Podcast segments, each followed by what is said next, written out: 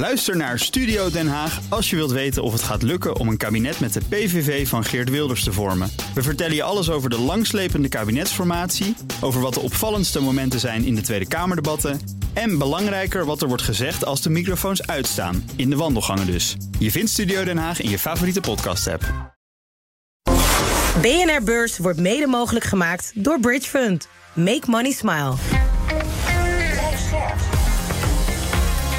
BNR Nieuwsradio. BNR Beurs. Jelle Maasbach. De week is weer de midden, want het is woensdag 18 oktober. Goed dat je naar ons luistert. Het is de dag dat president Biden is aangekomen in Israël.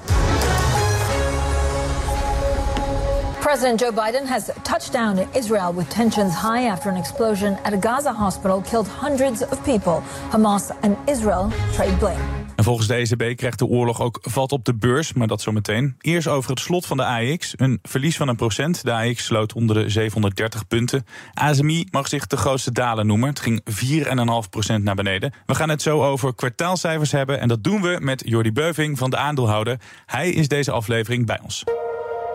We gaan het zo eh, uitgebreid hebben over ASML. Dat kende jarenlang maar één ding en dat was groei. Maar volgend jaar komt daar verandering in. De omzet zal in 2024 niet meer groeien, waarschuwt de CFO. We really think 2024 is going to be a transition year. We're really looking at 2024 in two regards. On the one hand, we think revenue-wise, it's going to be similar, we believe, to, uh, to 2023. But on the other hand, we believe 2024 is going to be a pivotal year in preparing us for what we think will be very significant growth in 2025. Goed dat jij er bent, Mr. Chips of Mr. Tech. Hè? maar eerst het andere nieuws. Wat viel jou nog meer op? Op de beurs, ja. Uh, ik heb alleen ASML gekeken, Jelle. Dat is eigenlijk uh, mijn vanavond het nieuws geweest vandaag. Ja. ja. in deze aflevering uh, van gisteren ging het over China. Dat was eh, mijn nieuws eh, van de dag. Bekeken we hoe die economie ervoor stond, wat de kansen zijn voor beleggers. We hadden alleen dat officiële groeicijfer nog niet, maar dat is er nu wel. En wat blijkt, de economie doet het in het derde kwartaal beter dan waarop was gerekend. Een groei van 4,9 procent vergeleken met dezelfde periode een jaar eerder. Tot zover het goede nieuws, want het is veel minder dan de 6,3 procent groei in het tweede kwartaal. De vastgoedcrisis die het nog door. Er is sprake van een record jeugdwerkloosheid. De Chinese consument die geeft minder uit. En de in- en export daalt al sinds de zomer. En toch, en toch zijn er wel lichtpuntjes te vinden. Wil je weten welke? Nou, zoek dan die aflevering van 17 eh, oktober op. Dan naar Adidas. Dat kreeg eh, financiële problemen toen het de banden verbrak met rapper Kanye West. Hij ontwierp sneakers voor ze, maar Adidas wilde niet meer samenwerken vanwege antisemitische opmerkingen. En toen zaten ze ineens met een berg aan schoenen in hun maag. We don't know the exact unit amount, but the estimate out there is that it could be over a billion dollars in, in inventory. Again, these were things that were already ordered prior to the termination of that business relationship with Ye. Adidas dacht daarom aan een jaarverlies van 450 miljoen euro. Maar nu brengen ze dat terug naar 100 miljoen. Reden is de meevallende verkoop van Yeezy-schoenen. Die zijn ze toch gaan verkopen en dat levert ze dus uh, meer geld op dan gedacht. Beleggers blij, koers vandaag uh, ruim 3% erbij. En dit jaar zat ik te kijken, gewoon even een plus van 40%. Snap jij, uh, Jordi, dat beleggers zo gretig op dit aandeel duiken? Ja, het is op zich opmerkelijk in die zin dat het is nou niet echt aan de sector wat nu echt, uh, waar ze zeggen, nou daar moet je wezen als belegger. Nee. Alleen wat natuurlijk het verhaal is, kijk, twee jaar geleden rond deze periode stond het aandeel, uh, nou volgens mij uh, in ieder geval twee keer zo hoog als wat er nu staat. Het is gehalveerd in de tussentijd. Ja, wat het verhaal goed is, ze hebben ja, ze gingen van het slechtste uit. Ze moesten heel die voorraad aan schoenen moesten ze in principe afschrijven. Ze gingen daarvan uit worst case scenario. Nou, blijkt nou dat ze er toch nog uh, ja, een deel in ieder geval van kunnen verkopen of tegen lagere prijzen. Ja, is best wel mooi meevallen als je eens rekent op uh, ja, bijna een half miljard aan operationeel verlies. En nu maar 100 miljoen verlies. Ja, dat scheelt behoorlijk. Uh, dus ja, ik denk gewoon een meevaller. Ga jij die Jeezy sneakers halen? Is niet echt mijn uh, stijl, maar uh, ja, ik koop wel af en toe Adidas schoenen, zeker weten. Nog even over de oorlog in Israël. Die uh, ervoor gaat zorgen dat de inflatie in Europa gaat stijgen. Althans, dat zegt de ECB-bestuurder en de gouverneur van de Oostenrijkse Centrale Bank. Door de angst voor escalatie van het conflict in het hele Midden-Oosten zijn de olieprijzen al dagen flink aan het stijgen. En als olie duurder wordt, leidt dat tot hogere prijzen van allerlei spullen. De hoge inflatie die kan die economische groei flink afremmen. Bovendien, wanneer die inflatie hoog blijft, zal de ECB mogelijk reden zien om de rente verder te verhogen. Dat is dan weer geen goed nieuws voor beleggers. Straks hebben we het over Unilever concurrent Procter Gamble. Anderhalf jaar lang verkopen ze minder spullen. En toch zijn beleggers door dolle. Ook dan meer over ARM, dat volgens Jordi veel en veel te veel waard is op de beurs. We beginnen met ASML. Meer dan 10 jaar was dat een groeiwonder. Zag het de inkomsten alleen maar toenemen. Maar dat houdt volgend jaar op, waarschuwt het bedrijf. Volgend jaar wordt een transitiejaar, zegt ASML. Daarna verwachten ze dan weer een aanzienlijke groei. Voor nu lijkt die groei ver weg. Dat is goed te zien aan het aantal orders. Vorig jaar werd er voor 4,5 miljard aan machines besteld. Dat is nu teruggevallen naar 2,6 miljard euro. Bedrag dat ook lager is dan waarop analisten rekenden. Beleggers die schrokken, het aandeel ging bijna 3,5% naar beneden. Ja, ASML leek wel immuun voor de malaise in de chipsector, maar is nu niet meer het geval als je deze cijfers uh, bekijkt. Nee, zeker niet. En uh, ja, dat klopt wat jij zegt. ASML is inderdaad ook gewoon niet immuun voor die afkoelende economie. Hè. Ondanks dat het een fantastisch bedrijf is met fantastische toekomstvooruitzichten. En ja, eigenlijk de cijfers van ASML over het afgelopen kwartaal kijken. Het is eigenlijk belangrijk om vooruit te kijken. Wat zegt de ASML daaromheen? Hè? Wat zijn de nuanceringen? En eigenlijk bevestigt ASML wat de markt al enige tijd denkt. Sinds de vorige kwartaalcijfers, drie maanden geleden, zijn de aandelen 15 à 20 procent eh, weggezakt. Zeg maar. Blijven ook echt achter. En ja, dat komt eigenlijk gewoon omdat het herstel van die chips sector. Die duurt langer dan aanvankelijk werd ingeschat. Dus uh, ja, het gaat allemaal net niet zo snel als gehoopt. Uh, je ziet wel hier en daar wat tekenen van herstel in die markt. Hè. Maar goed, die sector is cyclisch. En uh, ja, het verloop van dat herstel heel duidelijk inschatten is gewoon lastig ook voor ASML. Ik zag dat analisten verrast werden door deze cijfers. Maar je zei het al terecht, die koers was al aan het aflopen. Zijn 15% ja. dus beleggers die hadden het al wel voorzien. Ja, kijk, er komt regelmatig komt de data uit de chipsector naar buiten. Hè, van andere bedrijven in de sector, van onderzoeksinstituten. Dus kijk, als het herstel niet zo snel gaat, dan weet je dat echt wel eerder dan uh, drie maanden nadat ASML met cijfers komt. Dat weet je in de tussentijd in principe ook al wel. Uh, waar met name de ja, verrassing toch in zat, was de order intake. Dat die minder zou zijn, uh, of nou, niet heel positief zou zijn, dat was wel de analisten ingeschat. Maar gemiddeld rekenen analisten toch op 4,4 miljard. Ja, 2,6 is daar toch echt fors onder. Behoorlijk verschil, ja. ja. En dan spreken zij over 2024 en dan noemen ze dat mooi een transitiejaar. Uh, ik zie jou een beetje erbij lachen, maar uh, blijft dat ook echt bij dat jaar, denk jij? Ja, ze hebben het omgedoopt tot transitiejaar, inderdaad. Het is meestal natuurlijk geen goed teken. Uh, maar er valt wel iets van te zeggen. Kijk, ASML zegt zelf van, nou, 2024 nou, gaat dan inderdaad transitiejaar worden. Mm -hmm. Daar gaan we ons voorbereiden op significante groei, die in 2025 ongetwijfeld wel gaat komen. Nou, dan kan je zeggen, als je eerst dacht 24 en nu 25, nou, hoeveel waarheid moeten we dan hechten? Alleen, ze geven ook wel een aantal punten aan die wat mij betreft gewoon ja, correct zijn. Kijk, je hebt te maken met het allereerst seculiere groeitrends onderliggend. Mm -hmm. ja, los van of die chipsector gaat herstellen of niet. Uh, denk aan kunstmatige intelligentie, de energietransitie, noem maar op. Ja, daar gaat ASML van profiteren. Uh, dat is één. Twee, er gaat natuurlijk een enorm bedrag, uh, tientallen miljarden, uit naar capaciteit voor nieuwe chipfabrieken. Ja, die komen online in 2025, 26, 27. Ja, dat zit ook nog allemaal aan te komen. Dat zie je nu nog niet terug in de cijfers. Maar dat dat gaat gebeuren, ja, dat uh, ongetwijfeld. Maar toch, voorspellen is best wel moeilijk. Er zijn nog heel veel onzekerheden, uh, los van die hoge inflatie, maar dat er misschien mogelijk een recessie aan gaat komen. Je weet gewoon niet wat er gaat spelen, of die situatie in het Midden-Oosten zich gaat uitbreiden. Hoe kan je dan nu al voorspellen dat er een significante groei vanaf 2025 aankomt? Dat is toch vrijwel onmogelijk. Nou, hoe ASML het aanpakt, kijk, ze, ze doen geen bottom-up analyse, ze kijken echt top-down en ze kijken gewoon naar wat is er verwacht dat er aan totale wafercapaciteit, oftewel chipcapaciteit, nodig gaat zijn in 2025 en 2023. En dan gaan ze terugrekenen naar hoeveel capaciteit aan fabrieken is daarvoor nodig en hoeveel capaciteit aan chipmachines is daar uiteindelijk voor nodig. En uh, ja, of dat, dat in één jaar iets minder snel gaat dan gehoopt, of toch weer een stukje sneller. Uiteindelijk gaat dat uh, doorgroeien. Die chipmarkt die is cyclisch. Ja, de vooruitzichten zijn gewoon dat die markt ook gewoon uh, blijft groeien. En ja, gelet op alle techtrends, ja, kan je ook niet anders uh, denken dat dat gaat gebeuren. Dus jij ziet ook echt aanknopingspunten, misschien wel in deze cijfers, uh, dat dat ook gaat gebeuren vanaf 2025. Dat die groei weer ouderwets terugkomt bij ASML. Nou, wat het een beetje vraagt als belegger, kijk, durf je al verder te kijken? Durf je al te kijken naar 2025 en wellicht al verder dan dat? Of blijf je echt kijken op die ja, komende drie, vier kwartalen? Want daar zal ik zelf ook nog niet te veel van hopen. Hè. Dat is ook wat de ASML zelf zegt. We blijven gewoon conservatief. Omdat, ja, zij weten het ook niet. Hè. Kijk, gaat de markt voor smartphones uh, over drie maanden in één keer weer hard lopen of niet? Mm -hmm. uh, gaat de markt voor uh, laptops en computers in één keer weer aantrekken of niet? Automotive, hè, denk daaraan. dat is ook gewoon niet in te schatten. Dat moet je maand per maand, week per week bekijken hoe dat gaat. dus dat zegt de ASML zelf ook. Ik ben nog een risico vergeten. De Mhm. exportrestricties. Gisteren kwam uh, de VS met een nieuwe klap voor, uh, voor, uh, voor chipbedrijven. Dus die geavanceerde chiptechnologie die minder dan geleverd mag worden aan China. ASML zegt, we verwachten minder machines aan Chinese klanten te verkopen. Wordt het een grote impact, denk jij? Nou, wat je heel duidelijk zag bij deze cijfers, en dat is echt wel opmerkelijk, is dat bijna de helft van de ver, of, uh, verscheepte systemen in dit kwartaal, bijna de helft ging naar China toe. Nou, dat was een jaar eerder, was het 15 procent. Dan dus gaan ze wel echt problemen krijgen. Nou, wat je eigenlijk, uh, dat niet, want op de totale omzet is het weer, uh, valt het echt wel mee, China.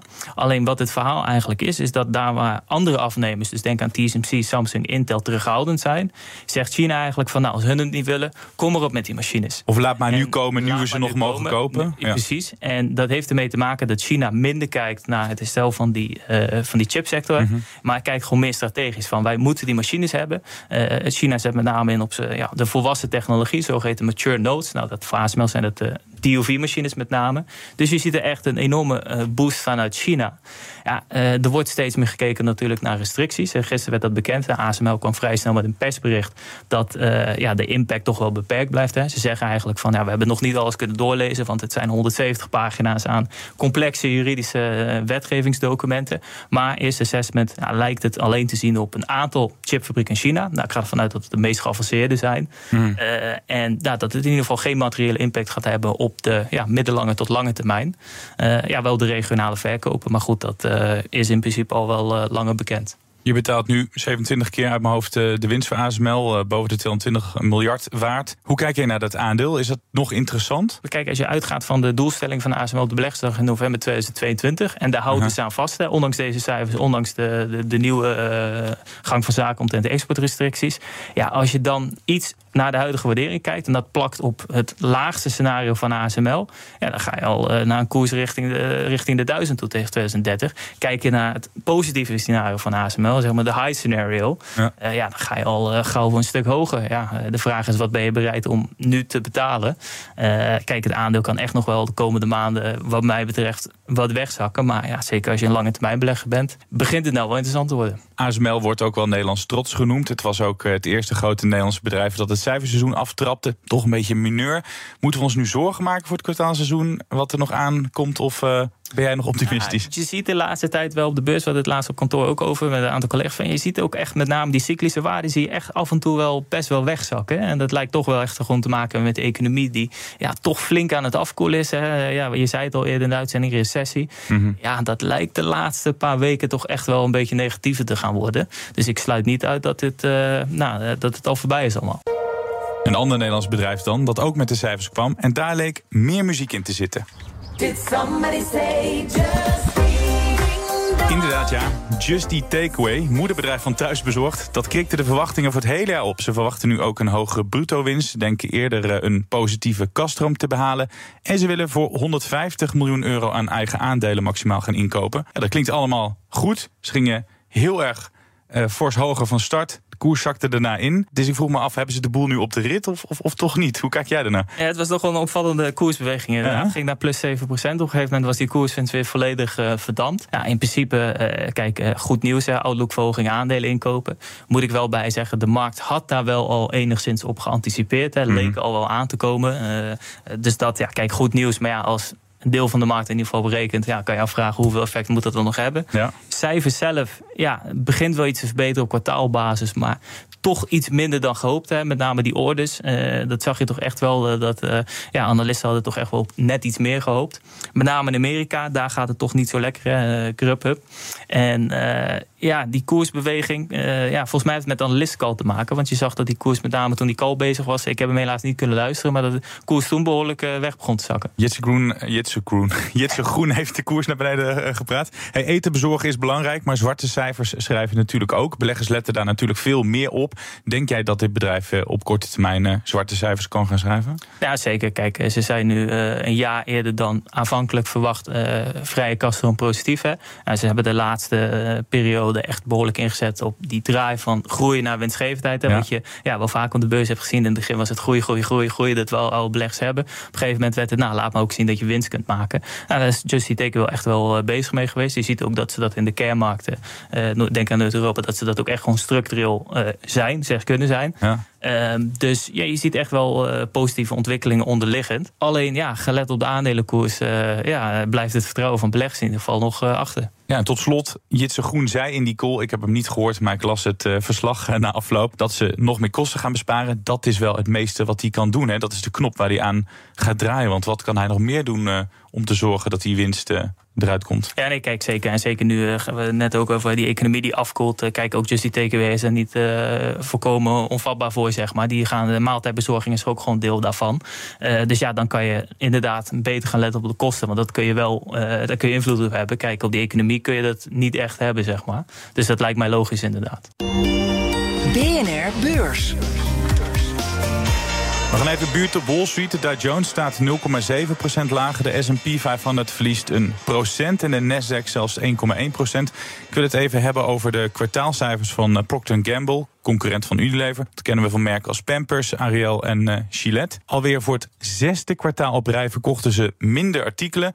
En toch een dolenthousiaste topman. This is a very strong quarter. 7% organic sales growth. Every category growing. Personal health care, uh, double digits, home care in the teens, feminine care, fabric care, hair care, laundry, grooming, high single digits. And you see that flow through to the bottom line. Ja, en ook bij beleggers. Koers 1,8% hoger. Komt omdat ze de prijzen met gemiddeld 7% konden verhogen. En ondanks dat ze minder verkopen, is de omzet en de winst gestegen. En dat lijkt de beleggers dus blij te maken. Nog even over de koers van chipmaker Nvidia. Hebben we het ook vaak met jou over gehad, Jordi. Gisteren bijna 5% ervan af. Mm-hmm. Nadat die exportrestricties bekend werden, waar we het net over hadden. En nu weer een daling. 3,7% ervan af. Klinkt wel als een forse afstraffing. Is dit terecht dat de beleggers zo vrezen voor die, voor die exportbeperking? Of vind je dit te overdreven? Ja, Nvidia zit natuurlijk in de sweet spot voor wat betreft de, de restricties. Hè. Er zijn, uh, kijk, eerder zijn er al restricties aangekondigd van de VS. Nou, die waren eigenlijk niet effectief. Want uh, de VS heeft gezegd, nou, die chips die, uh, voor AI die mogen niet naar China. Nou, binnen een paar weken had Nvidia die chips iets minder krachtig gemaakt en konden ze alsnog naar China toe. dus dat werd al heel gauw werd dat, omzeild. Mm. Ja, dit is een tweede poging om ja, meer onder die restricties te krijgen. Om dat toch ja, beter te doen dan eerst. Ja, Amerika heeft een zogeheten small garden high fence approach uh, op het gebied van die restricties. Nou, wat wil dat nou zeggen?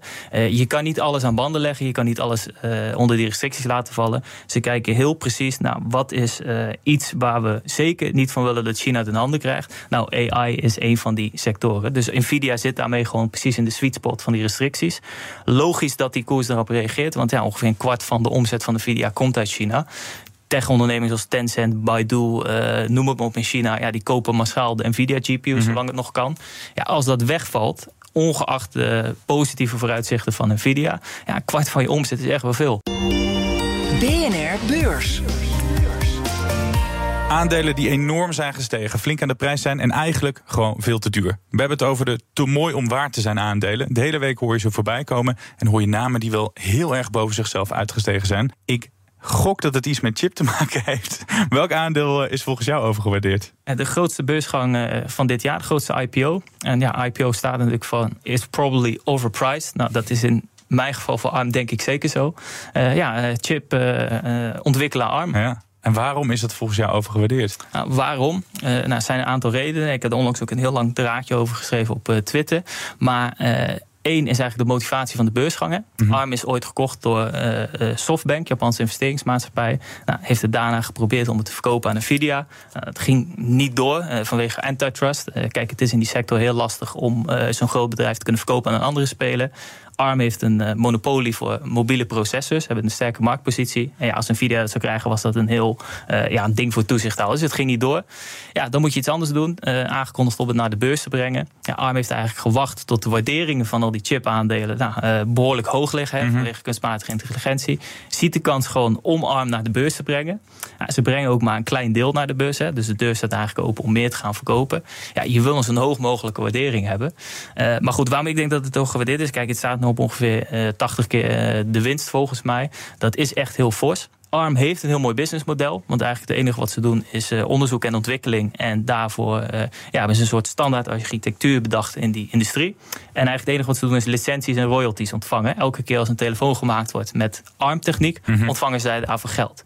Nou, uh, hoge bruto marge, 96% En nou, dan zou je zeggen, dan kan het heel snel gaan met de winst als je hard kan groeien. En dat is nou net waar ja, de, de vraag zit. Gaan zij wel nog kunnen groeien. In ieder geval gaan ze wel zo hard kunnen groeien als dat ze zelf zeggen. Jij ja, denkt van niet, volgens mij. Ik denk van niet. Een aantal redenen. Kijk, zelf zeggen ze AI, AI we gaan 20% groeien, noem maar op. Ja, er zijn zoveel dingen. Ah, ze hebben al 95% marktaandeel. Ja, je kan naar 100, maar je kan niet naar 200. Dus je bent afhankelijk van die markt. Steeds meer concurrentie. Uh, nou, je zit ook met Arm China. Een kwart van de onderneming is Arm China. Ja, daar hebben ze geen zicht op. Late betalingen. Uh, er zijn topmannen die daar weg uh, gaan en die een Chinese concurrent beginnen. En ja, als je het allemaal leest, dan ja, zijn er voor mij te veel red flags. En zeker gelet op de waardering zou ik afblijven. Een maandje beurs genoteerd. Ik zag nu al dik 50 miljard euro waard. Om voor de mensen die het niet volgen, om even een beeld te krijgen. Zou je er wel een prijskaartje aan kunnen hangen van wat het volgens jou waard is? Nou, uh, minstens de helft. Ja. uh, heel uh, heel grof uit de lucht gezet. Alleen ja, je ziet het ook sinds de IPO. die koers begint wel weg te zakken. Alleen het enige wat lastig is, is dat kijk, dat Softbank heeft nog het merendeel van de aandelen in de handen. Ja, die hebben er wel baat bij dat die koers hoog blijft. Omdat ik denk dat ze uiteindelijk meer willen gaan verkopen op de beurs. nou goed, we zullen zien of Arm het weet waar te maken. Maar ik blijf er vanaf. Ook morgen daalt de cijferregen weer neer op beursland. Je hoort Danielle Kastemans, geen weervrouw, maar collega van BNR Beurs. Nestlé opent de boeken. Het grootste voedingsconcern van de wereld schitterde in de eerste helft van het jaar omdat het de prijzen flink kon verhogen. En, niet onbelangrijk, klanten niet weg zag lopen. Daardoor kon Nestlé de omzet- en winstverwachting voor dit hele jaar naar boven bijstellen. Dat is mooi, maar deze dag zien beleggers of het in het derde kwartaal ook echt een feestje was. Ook van brillengigant Essilor Luxottica kan je cijfers verwachten. In het eerste halfjaar zag de brillenverkoper de winst toenemen met 18,5% Kan het moederbedrijf van onder andere Raymond Pearl deze groei vasthouden? Tot slot komen ook nog de cijfers van Nokia, van chemiebedrijf DuPont en van chipfabrikant TSMC. Dit was hem alweer, de BNR-beurs van woensdag 18 oktober... waarin we het uiteraard hadden over ASML. 2024 wordt een tussenjaar, maar het bedrijf belooft dat de jaren daarna... weer goede rapportcijfers worden gehaald. Just die takeaway belooft de beleggers dat het al dit jaar beter wordt, maar nog niet iedereen geloofde dat. En het was ook de aflevering waarin het ging over Adidas en het pakhuis aan Kanye West sneakers. Over de ECB, Procter Gamble en over ARM. ARM is overgewaardeerd, vindt Jordi. Ik dank Jordi dat hij hier was. Jordi Beuving van de aandeelhouder. Dit was hem voor nu. Morgen zijn we er weer. En nog een keer de oproep: stuur vooral al je vragen naar bnrbeurs.bnr.nl. En wie weet wordt jouw vraag dan voorgelegd in de speciale vrijdagaflevering. Tot morgen. BNR Beurs wordt mede mogelijk gemaakt door Bridge Fund. Make money smile. Ook Bas van Werven vind je in de BNR-app. Ja, je kunt live naar mij en Iwan luisteren tijdens de ochtendspits. Je krijgt een melding van Breaking News. En niet alleen onze podcast Ochtendnieuws, maar alle BNR-podcasts vind je in de app. Download nu de gratis BNR-app en blijf scherp.